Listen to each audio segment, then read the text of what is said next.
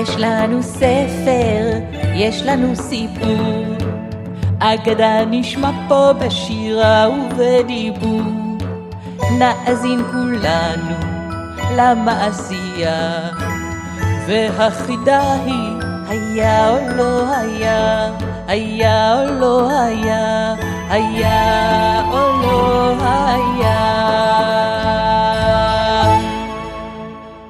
שלום מאזינות ומאזינים, כאן נילי ספרי לי. אם אתם אוהבים סיפורים, הגעתם בדיוק למקום הנכון. בכל פעם אספר לכם סיפור ממקום אחר על כדור הארץ.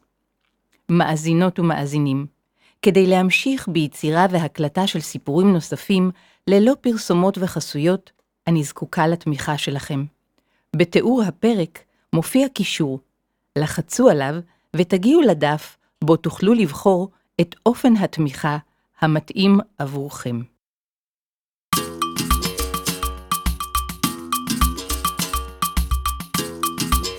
הפעם אספר לכם מעשייה מברזיל. ברזיל היא המדינה הגדולה ביותר בשטחה ובגודל האוכלוסייה שלה בדרום אמריקה. בברזיל אדמות חקלאות פוריות וגם יערות גשם עצומים, אשר המפורסם שבהם הוא יער האמזונס. שם המעשייה, הצו החכם.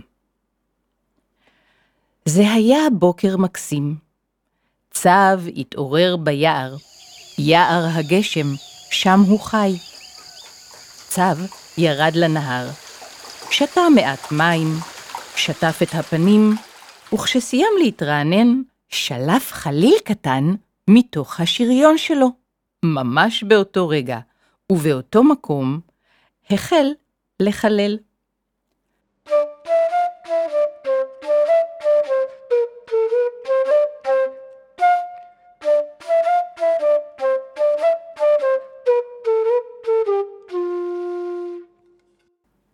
והנה, בזמן שהצב ניגן בחליל שלו, הגיע ליער הגשם אב, שיצא לחפש אוכל. שמו היה מרקו. היה בבית לחם, אבל מרקו רצה להביא מזון נוסף לארוחת הערב לשני ילדיו. הוא מצא מעט אגוזים ומעט פיסטוקים, שנפלא לקלוט אותם ולאכול, אבל זה עדיין לא היה מספיק לארוחת הערב. ואז הוא שמע.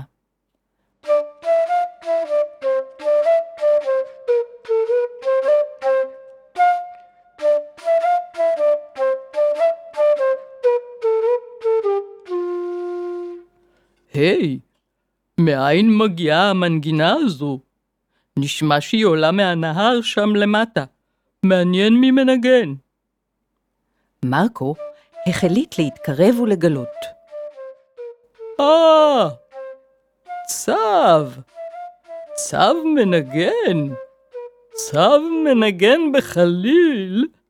איזה פלא. רגע אחד, צב. צב, אני יכול להכין ממנו מרק מצוין. גוסטוזו. כך אומרים, בברזיל זה טעים. אני חייב לתפוס את הצב הזה. כדי לתפוס אותו, אני צריך כלוב. מרקו התחיל מיד במלאכה. ניגש לקצוץ ענפים. צ'פ, צ'פ, צ'פ. לאסוף זרדים, לחבר אותם יחד. עוד רגע ועוד רגע, והנה הכלוב מוכן. הוא התקרב בשקט בצעדים חרישיים. התגנב מאחורי הצב, וכשהיה קרוב מספיק, הניף את הכלוב ולחד בתוכו את הצב. אתם בוודאי יודעים מה עושה צב כשהוא חש בסכנה. הצב הכניס את החליל את רגליו, את ראשו, והסתתר כל כולו בתוך השריון שלו. מרקו הרים את הכלוב עם הצו בתוכו, ונשא אותו על כתפו כל הדרך בחזרה הביתה. כשהגיע לגינה שמאחורי הבית, הוריד מכתפו את הכלוב וקרא. בואו, ילדים, תראו מה הבאתי. רצו הילדים החוצה ושאלו, היי, אבא, מה יש לך שם בכלוב? בואו, תסתכלו ותראו בעצמכם. צב!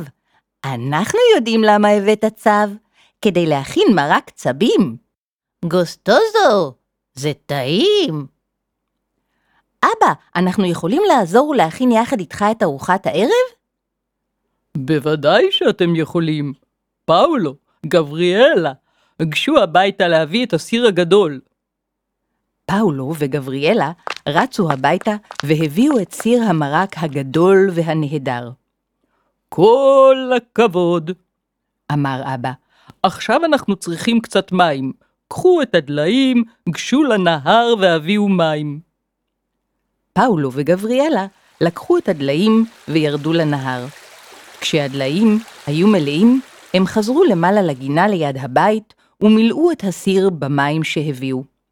כל הכבוד, ילדים, כל הכבוד. עכשיו כשהסיר מלא במים, צריך להדליק אש. Hmm, אני נזכר שלא נותרו לנו עצים להסקה. אז uh, אצטרך לגשת שוב ליער, למצוא כמה עצים יבשים ולהביא אותם לכאן כדי להדליק את האש. אני יוצא, עוד מעט אחזור. רגע! אבא, מה איתנו? גם אנחנו רוצים לעשות משהו בינתיים. בסדר גמור, אתן לכם משימה. Mm, לשמור על הצו עד שאני אחזור. אתם צריכים לשמור שלא יצא מתוך הכלוב. אבל אבא, אתה הכנת כלוב ודלת שסוגרת אותו, אז אין סיכוי שהצו יוכל לצאת. נכון, אבל בכל זאת תישארו כאן ותוודאו שבשום אופן הצו לא יצא. הלך מרקו ליער, והילדים נשארו לשמור על הצו. הם הסתכלו עליו כל הזמן. שום דבר לא קרה. הצו היה מכונס בתוך השריון שלו ולא זז. דקות חלפו, דקה, ועוד דקה עברה, ושום דבר לא קרה. לפתע עף תוכי צבעוני יפהפה ונחת על ענף של עץ ממש מעל ראשם. הילדים נשאו עיניים להתבונן בתוכי המיוחד. בזמן שהם הביטו למעלה, הוציא הצב את ראשו מתוך השריון ואמר, הולה! ומיד החזיר את הראש לתוך השריון. פאולו וגבריאלה הסתכלו זה בזו. פאולו שאל, גבריאלה, את אמרת רגע עולה? לא. על מה אתה מדבר? אני לא אמרתי עולה, חשבתי שאתה אמרת עולה. לא, אני לא אמרתי עולה. מוזר. הם המשיכו להשגיח על הצו. זה היה משעמם, דבר לא קרה. ואז הגיעה במעופה ציפור קטנה ויפה, ציפור יונק הדבש. הילדים הרימו את ראשיהם ועקבו אחרי הציפור המתעופפת. איזה יופי! תראה! בזמן שהם היו מרוכזים ביונק הדבש כשראשם למעלה, הוציא הצו את הראש פעם נוספת וקרא, הולה! ומיד הכניס את הראש חזרה. הילדים הסתכלו סביב. את אמרת עולה? לא, אתה אמרת? לא. מה קורה כאן? הם חזרו להסתכל על הצו. פאולו אמר, אוף, משעמם! לפתע חצתה את החצר בריצה לטאה גדולה. היי, תראי איזה לטאה מהירה! הילדים עקבו במבטם אחרי הלטאה. הולה! היי, זה אתה אמרת? שאלה גבריאלה את פאולו. זה אני. אמר הצב. מה? אתה צב מדבר? נכון מאוד, אני צב מדבר. וואו, צב מדבר זה ממש מפתיע! נכון, אמר הצב. אני יכול לעשות הרבה יותר מאשר רק לדבר. באמת? מה עוד אתה יודע לעשות? אני מנגן בחליל. אתה? מנגן? בחליל? כן, אני יכול לנגן בחליל, אבל אני לא יכול לנגן בחליל בתוך הכלוב הזה. אם תפתחו את דלת הכלוב, אוכל להוציא את הראש ולנגן בחליל. האם תפתחו לי את דלת הכלוב? פאולו וגבריאלה הסתכלו זה על זו ואמרו, בסדר, נפתח לך את דלת הכלוב. הם פתחו את הדלת, והצב שרבב את הראש שלו החוצה בחופשיות, והתחיל לנגן בחליל.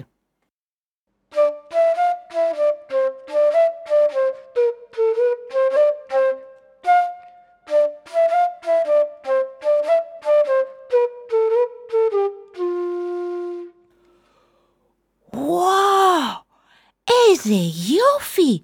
אתה באמת יודע לנגן בחליל, ואתה מנגן כל כך יפה, תודה, תודה. אמר הצב.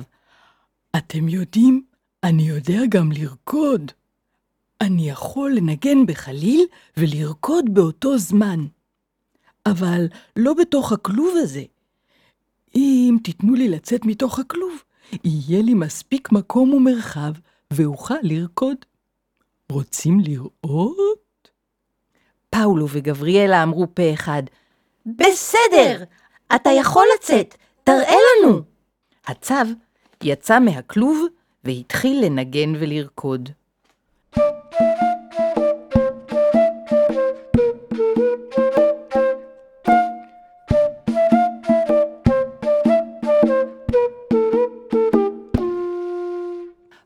וגבריאלה התלהבו כל כך והצטרפו לצו, פיזזו ורקדו שלושתם יחד.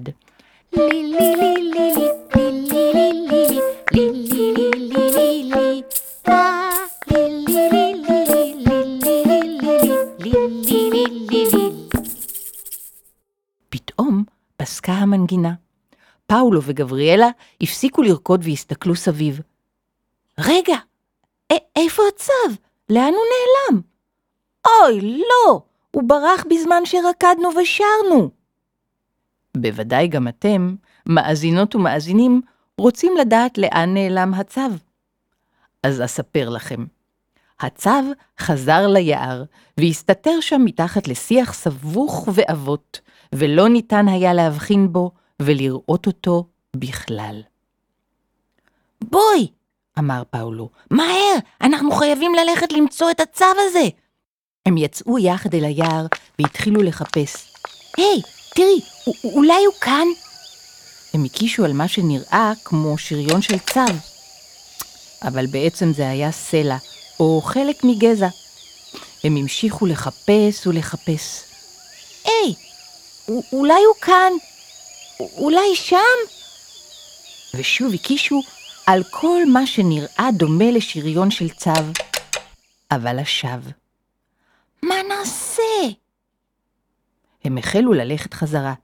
רגע, אמר פאולו, אם אנחנו חשבנו שהסלע הוא שריון של צב, נוכל לקחת סלע אחד ולשים אותו בתוך הכלוב, ואז גם אבא יחשוב. הם מצאו סלע בערך בגודל של הצו, הרימו אותו, נשאו אותו יחד הביתה, הכניסו אותו לתוך הכלוב וכיסו אותו בעלים ובעשב. הם ישבו והסתכלו כאילו הם עדיין מתבוננים בצו ושומרים עליו שלא יברח.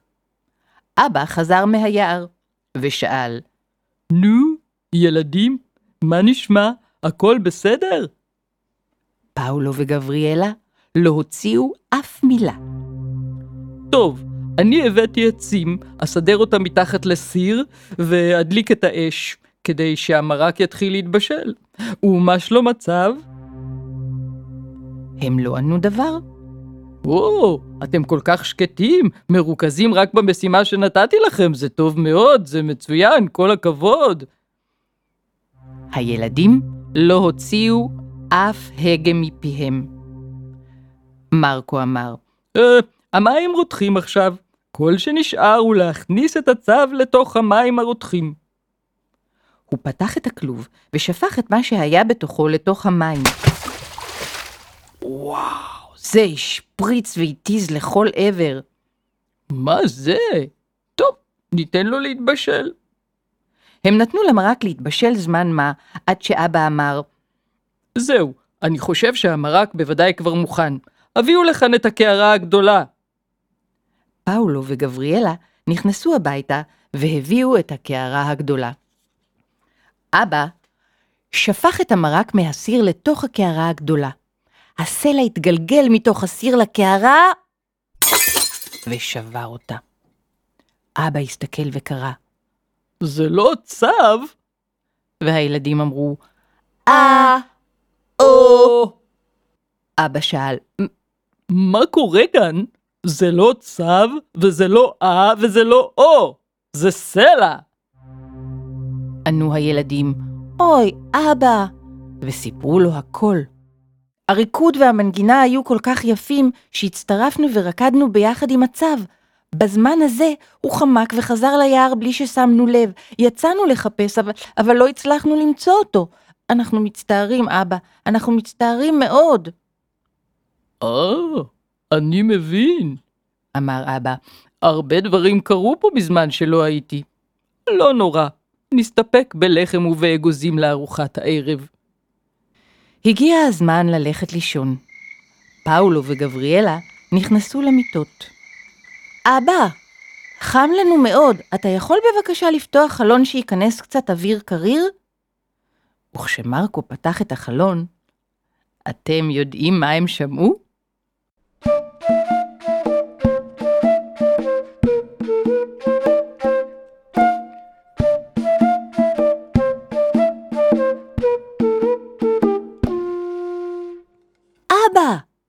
זו המנגינה של הצו, אתה שומע? נכון שזו מנגינה נפלאה? אבא הקשיב והתחיל לנוע לצלילי המנגינה. הוא חייך ואמר, אתם יודעים, ילדים?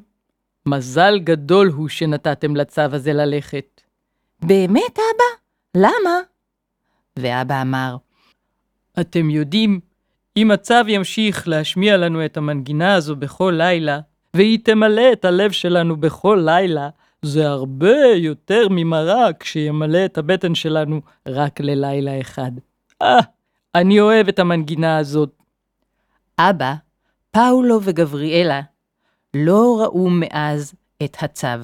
אבל בכל לילה, כשהם פותחים את החלונות, אתם יודעים מה נכנס יחד עם האוויר הקריר? צלילי חליל ושמחה.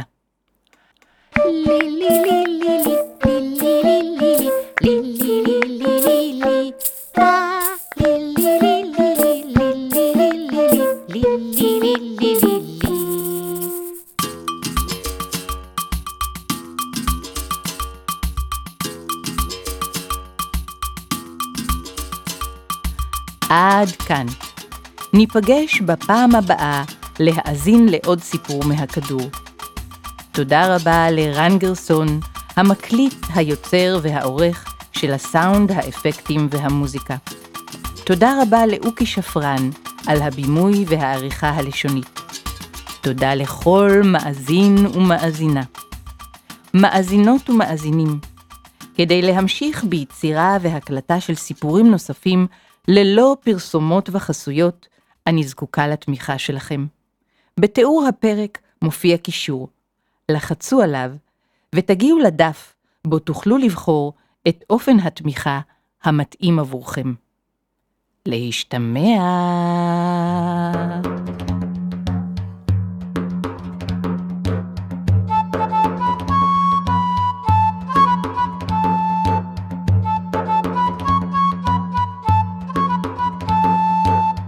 יש לנו ספר, יש לנו סיפור, אגדה נשמע פה בשירה ובדיבור. נאזין כולנו למעשייה, והחידה היא היה או לא היה, היה או לא היה, היה או לא היה.